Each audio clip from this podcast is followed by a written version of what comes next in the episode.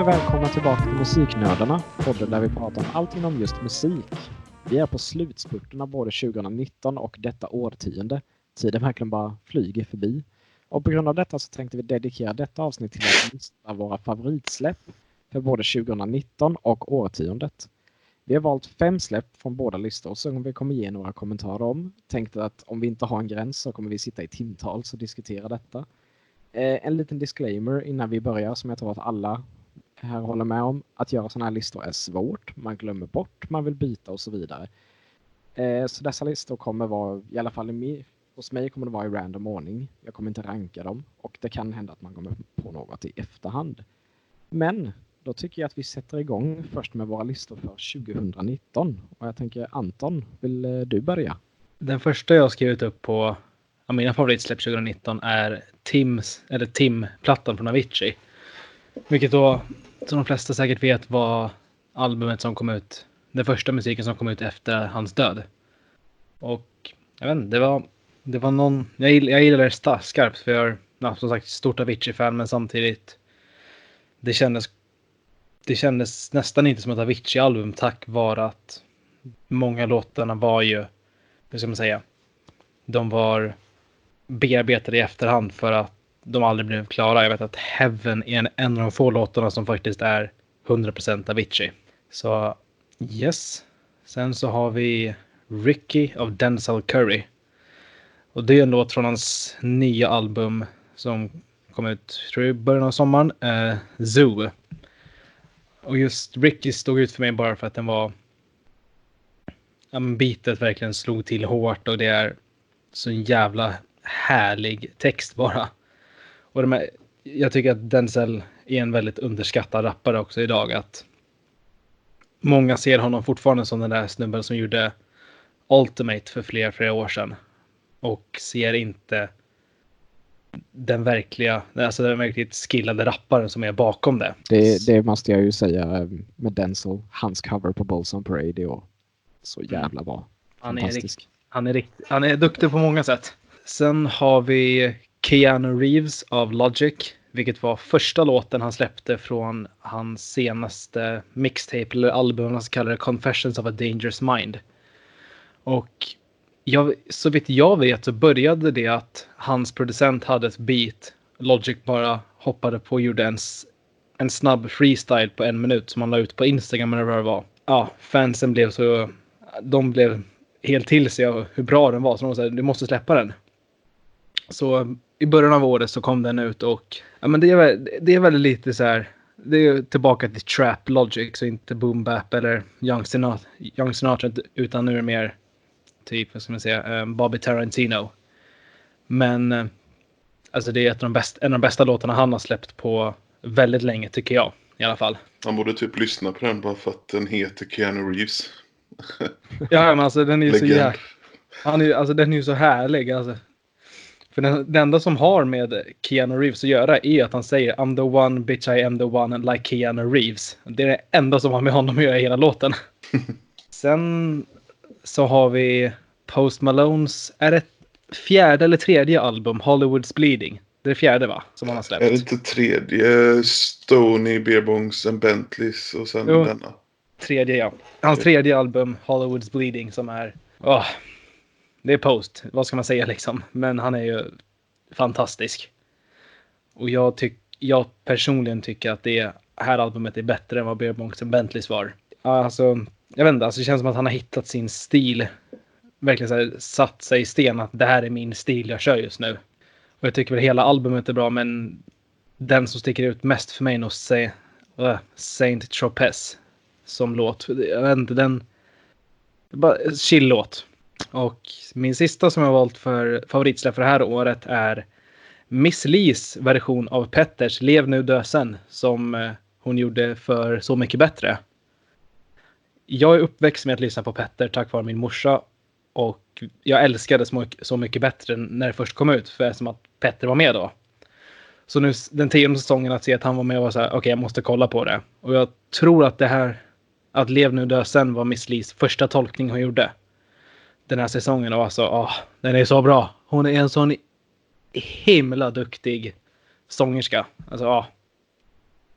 jag är helt amazed. Den är så jäkla bra.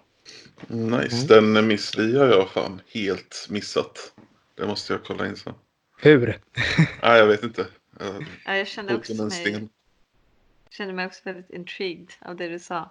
Yes, nästa person. Jag kan köra om ingen annan vill. Go for it. go, go, go.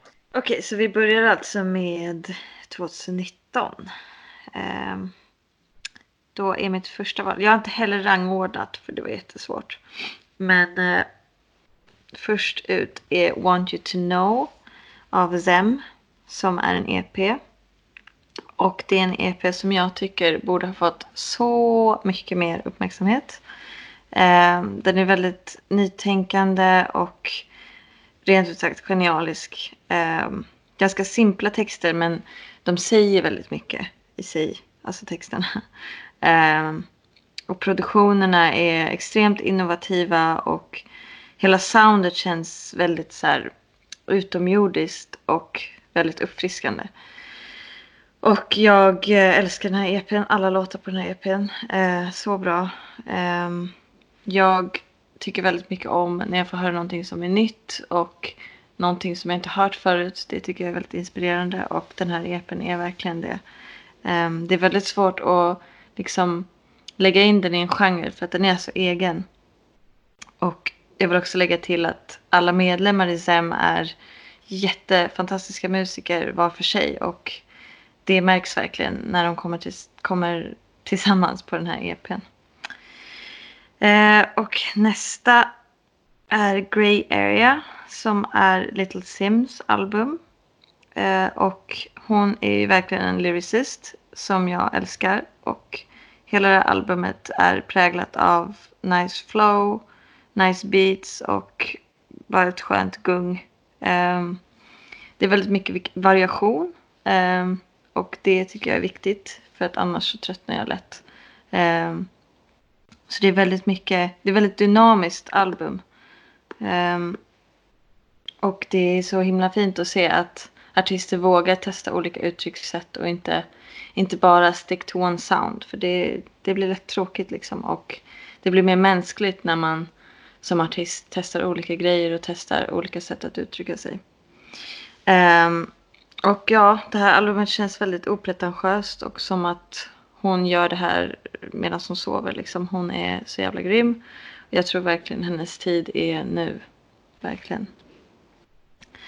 Eh, och det tredje valet var Cause I Love You med Lizzo. Och det är nog ingen som har missat att Lizzo blowade i år, verkligen. Eh, och jag har verkligen väntat på att hon ska göra det. Hon är född till att vara artist och hon är så otroligt upplyftande och härlig person. Um, den första låten jag hörde med henne var Excuse Me som kom ut för två år sedan. Och ja, men den är bara så himla nice. Man känner sig så himla glad och upplyft av hennes musik. Um, och hon har liksom en asnice symbios av uh, unapologetic sång, rap. Och så är hon så jävla grym live också. Uh, och det tycker jag verkligen lyser igenom på det här albumet. Eh, ja, det är ett album som gör en glad och empowered helt enkelt. Eh, och det här citatet Why men great till they gotta be great är typ det mest legendariska citatet i år, tycker jag. Ehm, och sen har vi nummer fyra. Lana Del Rey, Norman fucking Rockwell. Och det här albumet fick ganska mycket uppmärksamhet. Ehm, jag har älskat Lana väldigt länge. Men jag eh, faller väl av henne lite efter Ultraviolence. För att ja, det fångade inte riktigt mig. Eh, men jag gillar det här albumet väldigt mycket. Eh, det är liksom samma mel- melankoliska och coola Lana som man känner från Born to Die. Men med nya element och mer exp experiment liksom. Och det uppskattar jag väldigt mycket, som sagt. Och den här brustna själen som hon ofta porträtterar känns... Den finns i det här albumet men den känns också starkare och mer fuck you liksom. Det finns en, en gnista hopp till skillnad från hennes tidigare musik som har varit väldigt präglad av ett djupt mörker och depression och sådär. Um, också att albumet känns väldigt tidlöst. Och det tror jag är viktigt för mig för att ett album ska kännas här riktigt bra. Um, ja, och sist men absolut inte minst Michael Kiwanuka, jag hoppas jag uttalar det rätt, eh, med självbetitlat album Kiwanuka. Ehm, han är med på Little Sims Grey Area i låten Flowers också, som jag tidigare nämnde. Eh, det här är också ett väldigt tidlöst album som det är en sorts psykedelisk soul kan man säga. Um, och han känns som en väldigt gammal själ som på något sätt söker tröst i musiken. Och albumet känns väldigt modernt men ändå nostalgiskt på ett väldigt bra sätt. Det är liksom den här psykedeliska 70-talsviben men ändå ja, men modernt. Um, och låten Hero känns som en så instant classic verkligen. Gitarren är så nice. Um, och det är ett väldigt skönt album att lyssna på helt enkelt. Um, overall skulle jag säga att det känns väldigt mänskligt och äkta. Ja, det var mina mm. fem val. Det är lite kul att du tar upp eh, Lana Del Rey för att hon var ju överallt. Det var väl då Born to Die kanske. Mm. Alla visste vem hon var och sen yeah. om man inte lyssnade på henne liksom, eller var ett superfan så har hon försvunnit lite. Ja, precis. Men uh, nu, nu jag, jag har inte lyssnat på det du nämnde av henne så att det ska jag kolla in sen. Ja, nej men hon var ju verkligen alltså, superstor och sen ja men hon försvann lite men nu känns det som att hon är tillbaka liksom. Det är kul. Mm, mm. Nice. Erik? Ja, eh, jag har bara valt album då för att jag tyckte det var så jäkla svårt att välja låtar. Eh, men det första jag tänkte prata om är Yellow Wolf med Ghetto Cowboy. Eh, jag tycker, jag har gillat Jella Wolf väldigt mycket. De flesta kanske känner igen honom för att han släppte några sådana här riktigt kommersiella låtar som Daddy's Lambo och sånt med typ Lil Jon och skit. Det var inte alls bra. Men, men det är jättelänge sedan nu och nu han, har han ett liksom ganska unikt sound tycker jag. Om man ser till hiphop. Eh, väldigt bra beats. Eh, har den här Southern USA. Känslan liksom, eller vad säger man? Grym platta. Liksom. Skitbra. Uh, ja, helt enkelt. Sen har jag Post Malone, Hollywoods Bleeding, som eh, Anton nämnde. Ja, väldigt bra platta. Jag tyckte det var kul att den hade lite oväntade features med Ozzy Osbourne och så vidare. Det känns som att han har hittat sig själv lite mer. Lämnat det här White Iverson-soundet lite och kört på det som han kanske är ämnad till att göra. Eh, sen har jag Bring Me The Horizon med Amo. Eh, och jag har varit ett jättestort fans, fan av Bring Me The Horizon även sedan när de började typ med Count Your Blessings som i princip är en ren deathcore-platta. Eh, lyssnar man på den och så lyssnar man på det de släpper idag så är det ju natt och dag verkligen. Och jag tycker att det är jättekul att de eh, Även i samband med att min musiksmak har ändrats så har de ändrats på något sätt och lite följt vad jag tycker är bra. Vilket är märkligt men eh, lite mer elektroniskt, eh, mer, lite mer skön sång. Eh, ja, jag tycker man, man ska lyssna på den i alla fall. Och det är väldigt kul också just det här att jämföra gamla Bring Me The Horizon med nya. Eh, men den plattan är skitbra. Det finns hur många bra låtar som helst.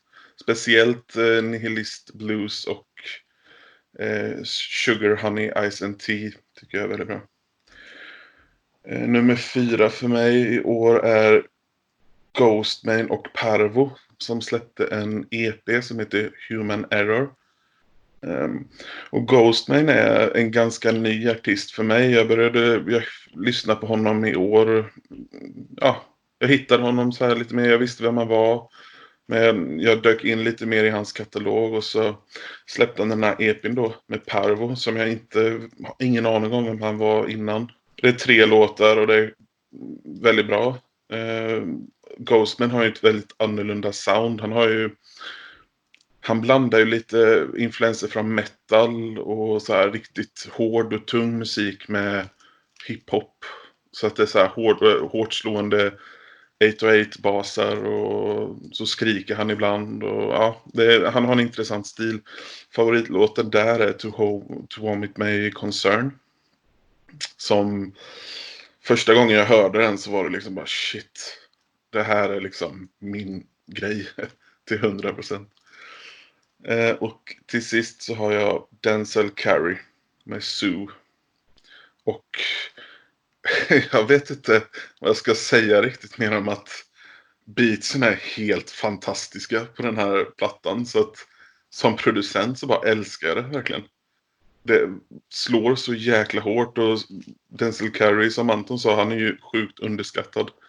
Eh, även om han är känd liksom. Men, ja, det är verkligen ett, ett av... Den förtjänar sin plats liksom på min topp 5 tycker jag. Eh, det är så här, varje, när man lyssnade igenom den första gången så var varje bit eh, blev man så här bara ge mig mer. Typ. Jag vet inte. Ja, skitbra i alla fall. Det, ja. det är lite kul med just Zoo, för han eh, sa i någon intervju med Genius att vad, heter det, att han eh, hela albumet är freestylat. Så han, han, han, vill, han vill inte ha det här liksom så att det ska gå från hjärna till papper till mikrofon. Så det gick bara från hjärna till mikrofonen. Så allting är tydligen bara freestylat i hela albumet. Det är ju sjukt i så fall. Mm -hmm. Verkligen. Eh, men det, det, som är så nice med Denzel Curry det är att han det är samma sak med Yellowwolf. De låter liksom inte som Ghostman och också. Alltså de låter liksom inte som den här Travis Scott och de här Offset och alla de här som. De låter fan likadant. De, de gör jättebra musik men de har, de har verkligen. Ja, de, det är något speciellt med de här tycker jag. Eh, det är därför de hamnar här. Ja, det är kul med Curry också med tanke på att hans förra album Taboo låter helt annorlunda gentemot Zoo. Så det känns, som, känns som att han byter upp sig för varje album han släpper. Ja, jag kommer lätt eh, dyka in mer också på eh, vilka producenter han har jobbat med och vad de har gjort annars och sånt också. För att jag tycker att beatsen är fantastiska. Det är så vitt jag vet en FNZ, FNZ som har gjort majoriteten av beatsen till Zoo. Mm, mm. Så det kan vara nice att kolla på honom lite. Ja, det, absolut. Det tycker man ska göra. Mm. Yes. Uh, nice. Mina då. Uh, jag vill bara dra av två snabba honorable mentions som jag tyckte var uh, fantastiska släpp. Eh, första är ett band som heter Undeath och de släppte en EP eller en demo som heter Sentient Autolysis. Om jag uttalar det rätt. Eh, som sagt demokvalitet med en fantastisk dödsmetall. Eh, tycker det är det är väldigt klaustrofobiskt producerat. Tungt och ja, underbart. Sen vill jag också ge en shoutout till Sepultura som släppte en ny låt i år. Isolation. De släpper en ny platta nästa år och den var riktigt bra.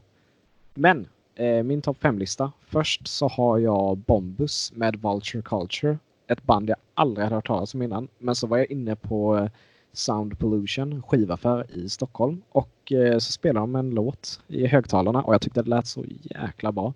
Så jag frågade mm, han som stod i kassan vad det var. Så pekade han på den plattan och det var ju då Vulture Culture. Och eh, ja, jag köpte den och det är ju ja, helt fantastisk platta. De är, från, de är svenska från Göteborg, låter eh, som Motorhead ungefär skulle jag säga. Så det är väldigt coolt sound. Jag rekommenderar den absolut. Eh, näst så har jag Rammsteins platta. De har inte döpt den, så eh, Rammstein. Det är ju deras första platta på tio år.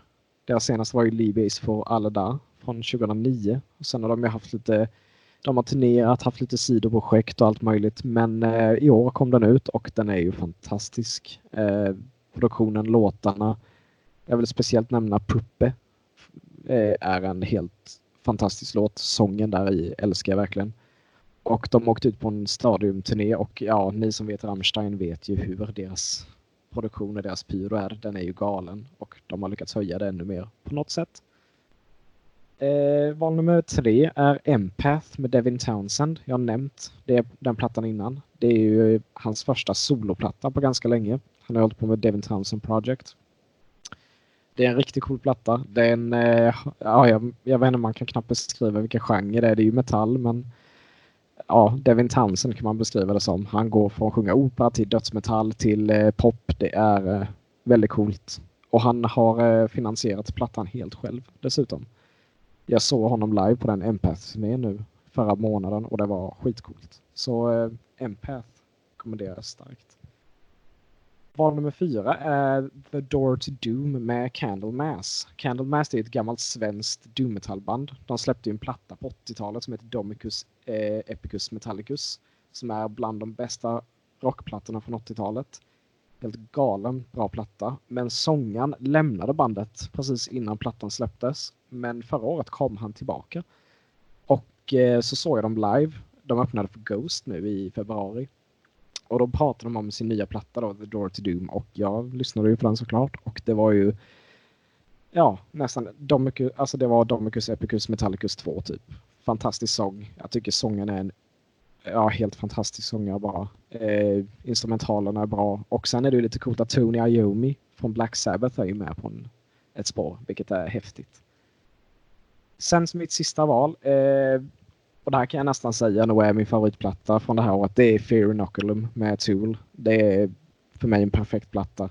Vi har väntat i 13 år på den nu och nu kom den ut och det är 85 minuter av eh, bara perfekt musik. Jag, jag har inte så mycket att säga om den för att vara helt ärlig. Jag bara tycker det. Alla musiker där är fantastiska verkligen. Så yes, det är mina fem val där. Tänker att vi, vi går till decenniet.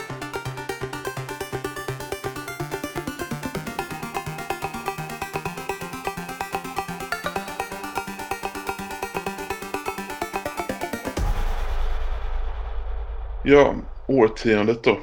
Min första är Lil Peep Come Over When You're Sober Part 1 som släpptes 2017. Ehm, det här var väl min introduktion lite till Lil Peep. Där, alltså han har ju flera av sina största hits på den som eh, Ben's Truck bland annat som blev jättestor. Ehm, Better Off Dying. Save That Shit. Ja, det är bara massa, massa av hans, det är flera av hans bästa låtar to date liksom. Om man, och om man jämför med typ, då han släppte ju en skiva nu efter hans eh, bortgång. Eh, inför den här dokumentären som släpptes i år.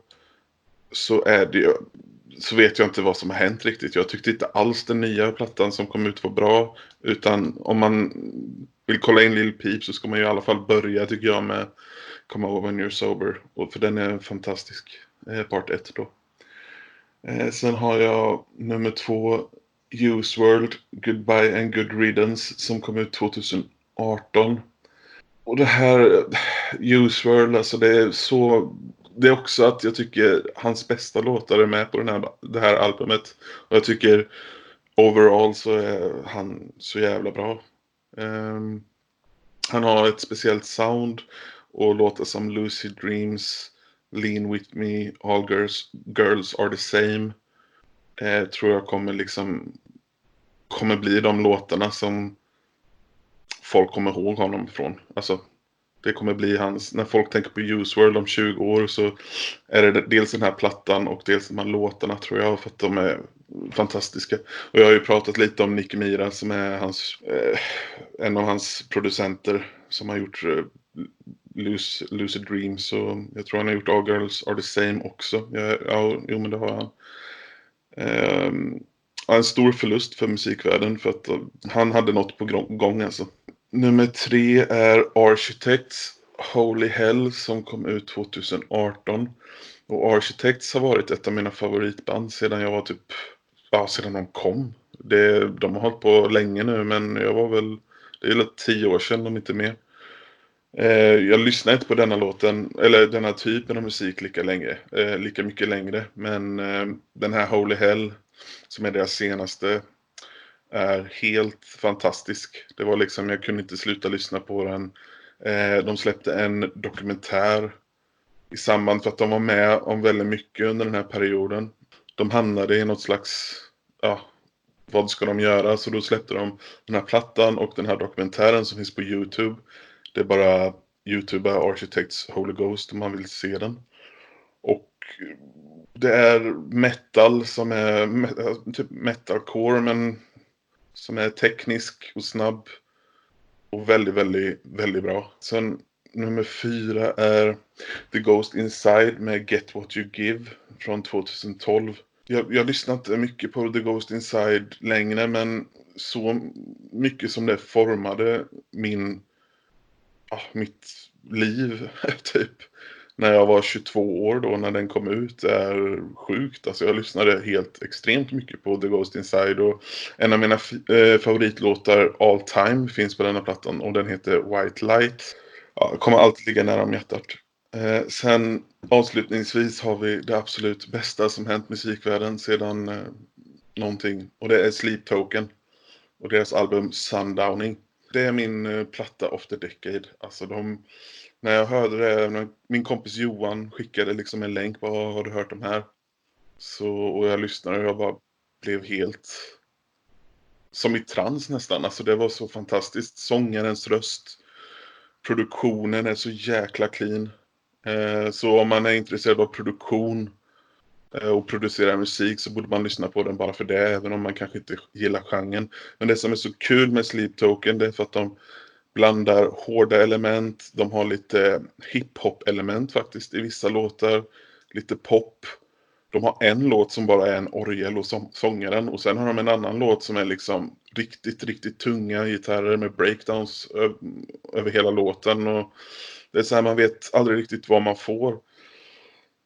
Det enda, om man ska säga någonting negativt om Sleep Token, det är att till nästa platta så måste, för de har liksom en formula det har de verkligen hittat en formula. Det här med att de har lugna partier. Sen bara kommer det något sånt här supertungt.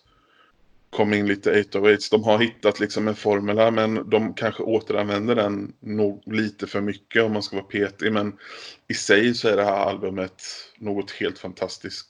Och eh, ja, ett nytt favoritband helt enkelt. Shout out till Johan som eh, tipsar om dem. Nice. Alltid kul att hitta något nytt man älskar. Mm. Yes. Nästa person som vill köra. Jag ska försöka inte bli för passionerad här. Och det var verkligen så svårt. Um, inte bara att det har släppts så mycket musik under det här decenniet utan så här, musiken har utvecklats så mycket. Speciellt i hiphop och sådär. Alltså det har hänt så jävla mycket. Um, vilket är skitkul. Men därför var det också väldigt svårt. Men um, det första som, som slog mig sådär direkt var To Pimp a Butterfly av Kendrick Lamar. Och det känns väl som att det inte krävs jättemycket förklaring egentligen varför jag valt det här albumet. Men jag ger en liten förklaring ändå. Um, jag älskar som sagt när artister inte är rädda för att experimentera och Kendrick är ju verkligen en sån konstnär som jag verkligen vill benämna honom som. Han är en konstnär och han är en sann poet. Um, och alla hans album är en historia från början till slut. Uh, och det är verkligen en konstform i sig att göra album på det sättet. Han har liksom ett sätt att... Ja, men han är verkligen en storyteller. Um, och det hördes även i det albumet han släppte förra året, Damn. Och det här albumet har... Det har både sorg och ironi och det är verkligen teatraliskt som Pitchfork uh, sa om det eller skrev om det. Och jag tycker att alla musiker borde uppskatta det här albumet för det konstverk som det är. Det är verkligen en piece of history. Och även om jag som vit aldrig riktigt kommer förstå liksom hur, vad det här albumet innebär så, så är det verkligen ett must listen. Alla måste höra det här albumet. Det är verkligen en upplevelse. Och nummer två är... Eh, mm, där är lite delad plats faktiskt. I'm sorry guys men um, Channel Orange slash Nostalgia Ultra av Frank Ocean. Channel Orange först. Alltså allt med det här albumet är perfekt i min åsikt. Det är verkligen soundtracket till mina äldre tonår. Och så himla banbrytande, både produktionsmässigt och textmässigt.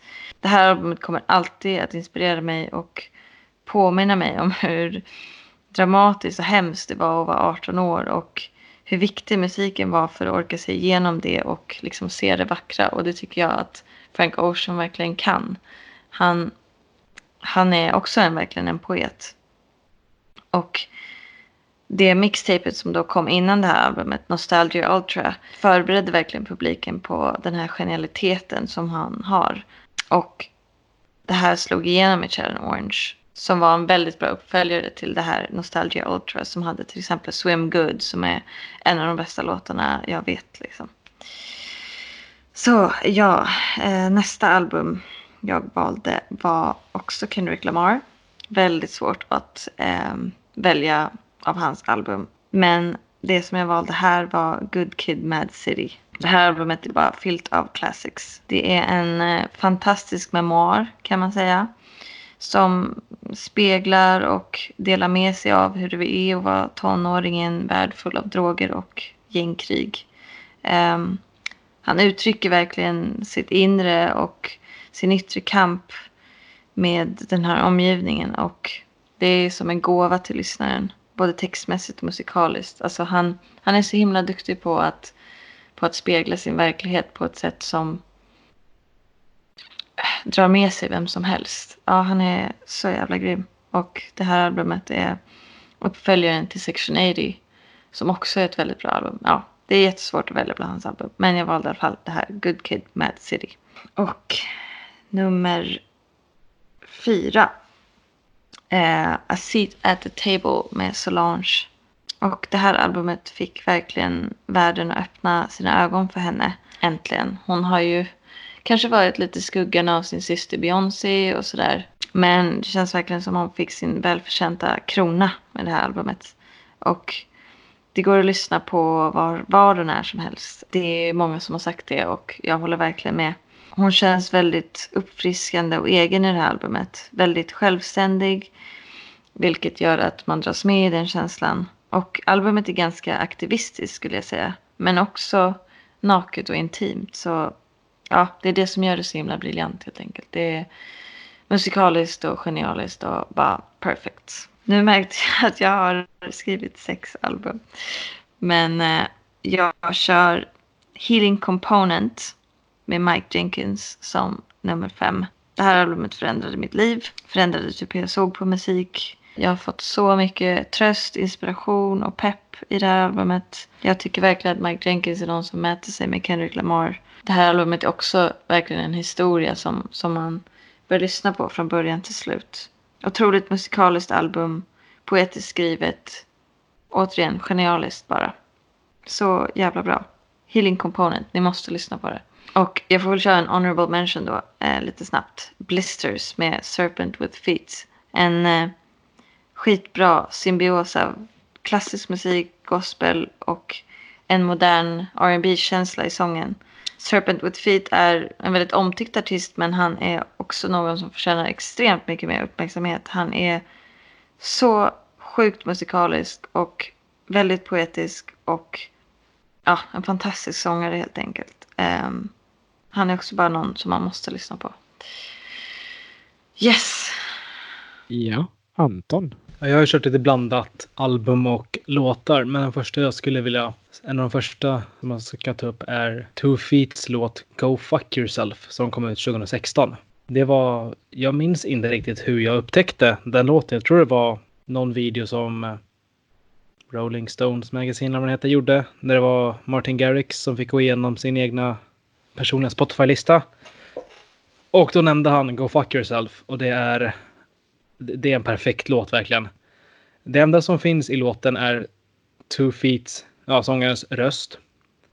En gitarr, en trumma och en distortad bas. Och det är det.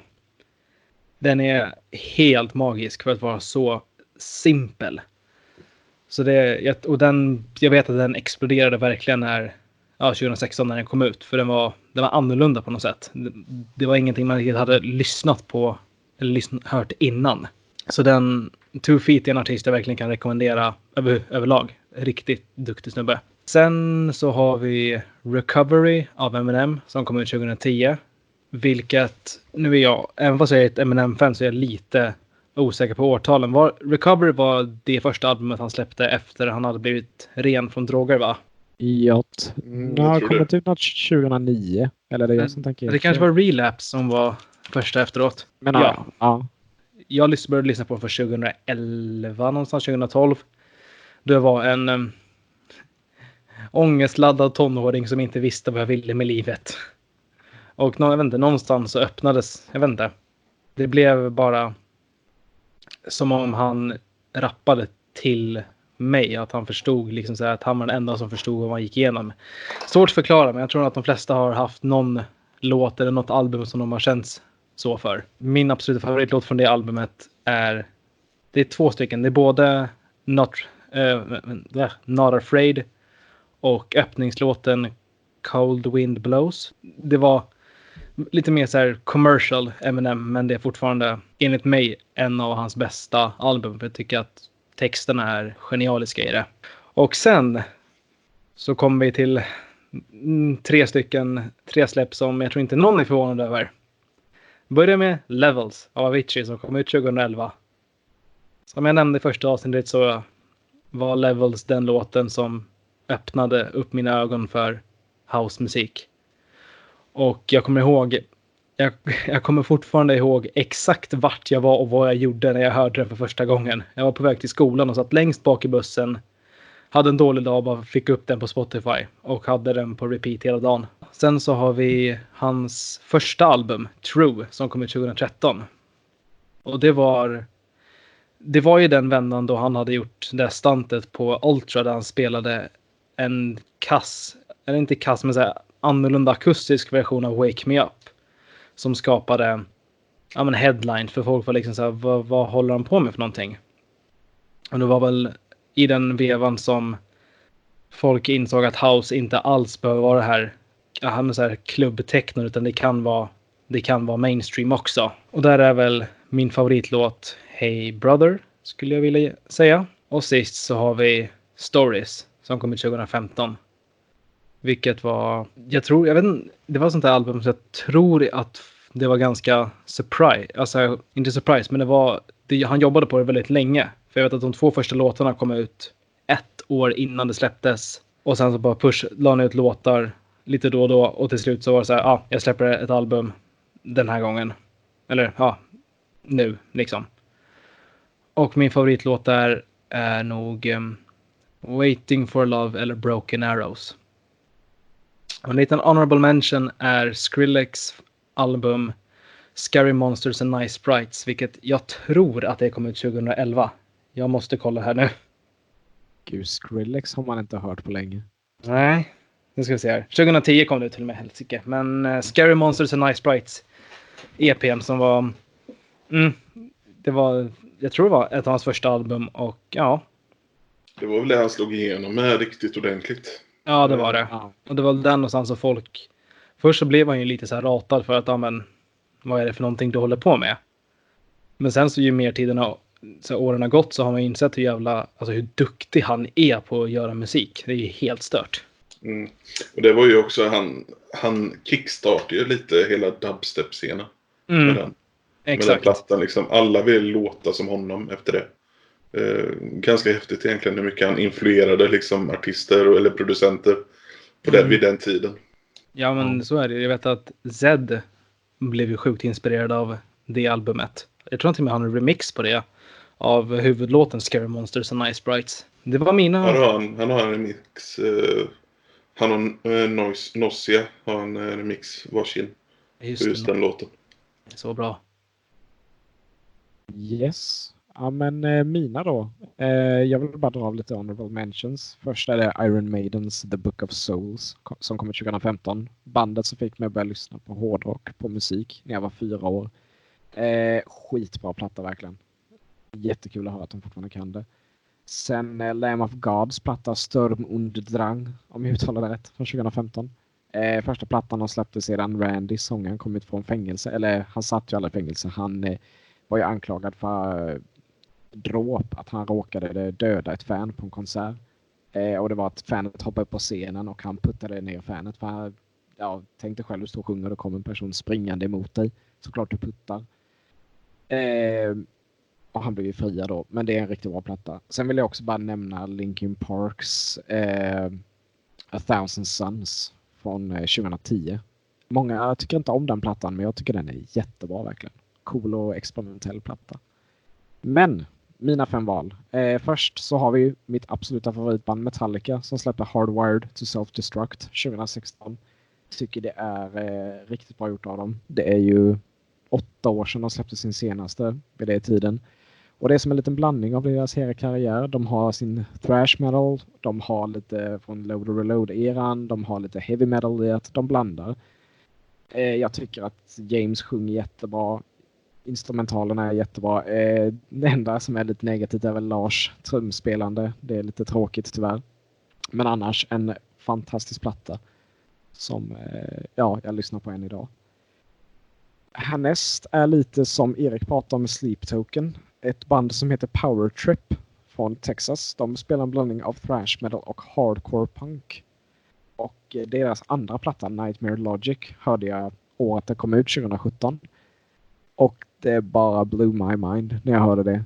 Eh, hårt, brutalt, men samtidigt melodi i att eh, bara en fantastisk platta på åtta låtar. Och de gör det så coolt. Låtarna bara plöjer igenom på något sätt. Eh, men ja, det är bara en skitbra platta. Jag ska se dem live nu i mars och jag ser så fram emot det. Nummer tre var lite svårt att välja. För jag tycker om alla deras fyra plattor och deras EPs de har släppt. Men jag tar deras debutplatta. Det är ju då Ghosts Opus Eponymous. Eh, den kom ut 2010. Och det var ju en helt cool ny platta tycker jag. Och eh, det är ju då, det vet vi ju nu, Tobias Forge som eh, höll det och gjorde hela plattan själv basically. Han eh, hyrde in en trummis och en keyboardist, sen gjorde han allt själv. Och ja, jag älskar soundet. Jag tycker det är, låter ondskefullt och allt möjligt. Jag har sett dem live tre gånger nu och de är fantastiska live. Så eh, där vill jag ju ge shoutout till låten Ritual som jag tycker är en av de bästa rocklåtarna som har gjorts detta där decennium i alla fall. Nummer fyra. My Boy Trent Reznor med Nine Inch Nails Hesitation Marks. Det var ju deras, som kom ut 2013, det var ju deras första platta på fem år. 2008 eh, släppte de ju en platta. Sen eh, efter turnén så sa Trent det att men, eh, nu ska Nine Inch Nails ta en paus och han skrev ju soundtracket till The Social Network som han vann en Oscar för. Han startade ett sidoprojekt och han scorade lite mer musik och sen så han skaffade en familj och allt möjligt och sen kom han tillbaka med det här. Och det är fantastisk platta. Den är eh, ganska elektroniskt baserad men fortfarande Nine Inch Nails. Det, det, är, det är en av grejerna varför jag gillar Nine Inch Nails så mycket. De byter sitt sound på varje platta men du kan fortfarande liksom höra att det är just dem. Så yes, Hesitation Mark som sagt. Eh, där kan jag ge en eh, shoutout till låten eh, Came Back Haunted som jag tycker är väldigt cool. Och sist men absolut inte minst är Gojira med, nu kommer jag slakta det här namnet, men jag vet att vi har en person här som kan lite franska så hon får rätta mig. Eh, Le Enfant Sauvage. Uttalade jag det där rätt? Eh, ja, men det lät inte helt sånt ut att cykla. Nej, det är med Gojira då och det betyder det vilda barnet på franska. Eh, och Gojira är ju, det var deras breakout-platta egentligen. De är ju helt fantastiska med sin, de har en väldigt speciell, ett speciellt sound. Jag tycker trummisen i det bandet är galet bra. Eh, de släppte en platta för tre år sedan som heter Magma som eh, blev hyllad. Men jag tycker lite bättre om den här. Fast jag tycker inte alls illa om Magma. Men denna platta tycker jag I don't know, det är någonting bara som tilltalar mig mer. Titelspåret är ja, också en av de bästa rocklåtarna som har gjorts detta år. Så yes, det är mina fem val och jag märkte nu att jag trodde jag skulle få med någonting som inte var hårdrock men så blev det inte. Nine Inch Nails var väl det närmaste i alla fall. Men men. Men det är väldigt roligt tycker jag nu när vi är klara att vi har allt från hårdrock liksom till hiphop till EDM. Det är väldigt olik, olika. Alltså vi alla har valt olika genrer, genrer och sånt. Mm. Ja, det är jättekul. Är det ju. Ja, och, och det får man väl ha i åtanke när man, när man gör någonting sånt här. Att så här, ja, men välj de här bästa. Det är ju ingen som kan ha rätt svar. Eller vad, allting är ju smak liksom. Nej, och, och så är det ju så sjukt svårt. Jag vet inte hur mycket jag har suttit med den här listan. Liksom. Ska jag ta bort den här? Ska jag ta med den här? Det, ja, alltså det, man, man, man skulle ju vilja göra en liksom topp 30 eller någonting. Men det går Ja, ja, jag hade ju från början tre av Kendrick Lamars album och sen kände jag bara att jag kan inte bara nämna honom liksom. Och, nej, det är jättesvårt alltså. Verkligen.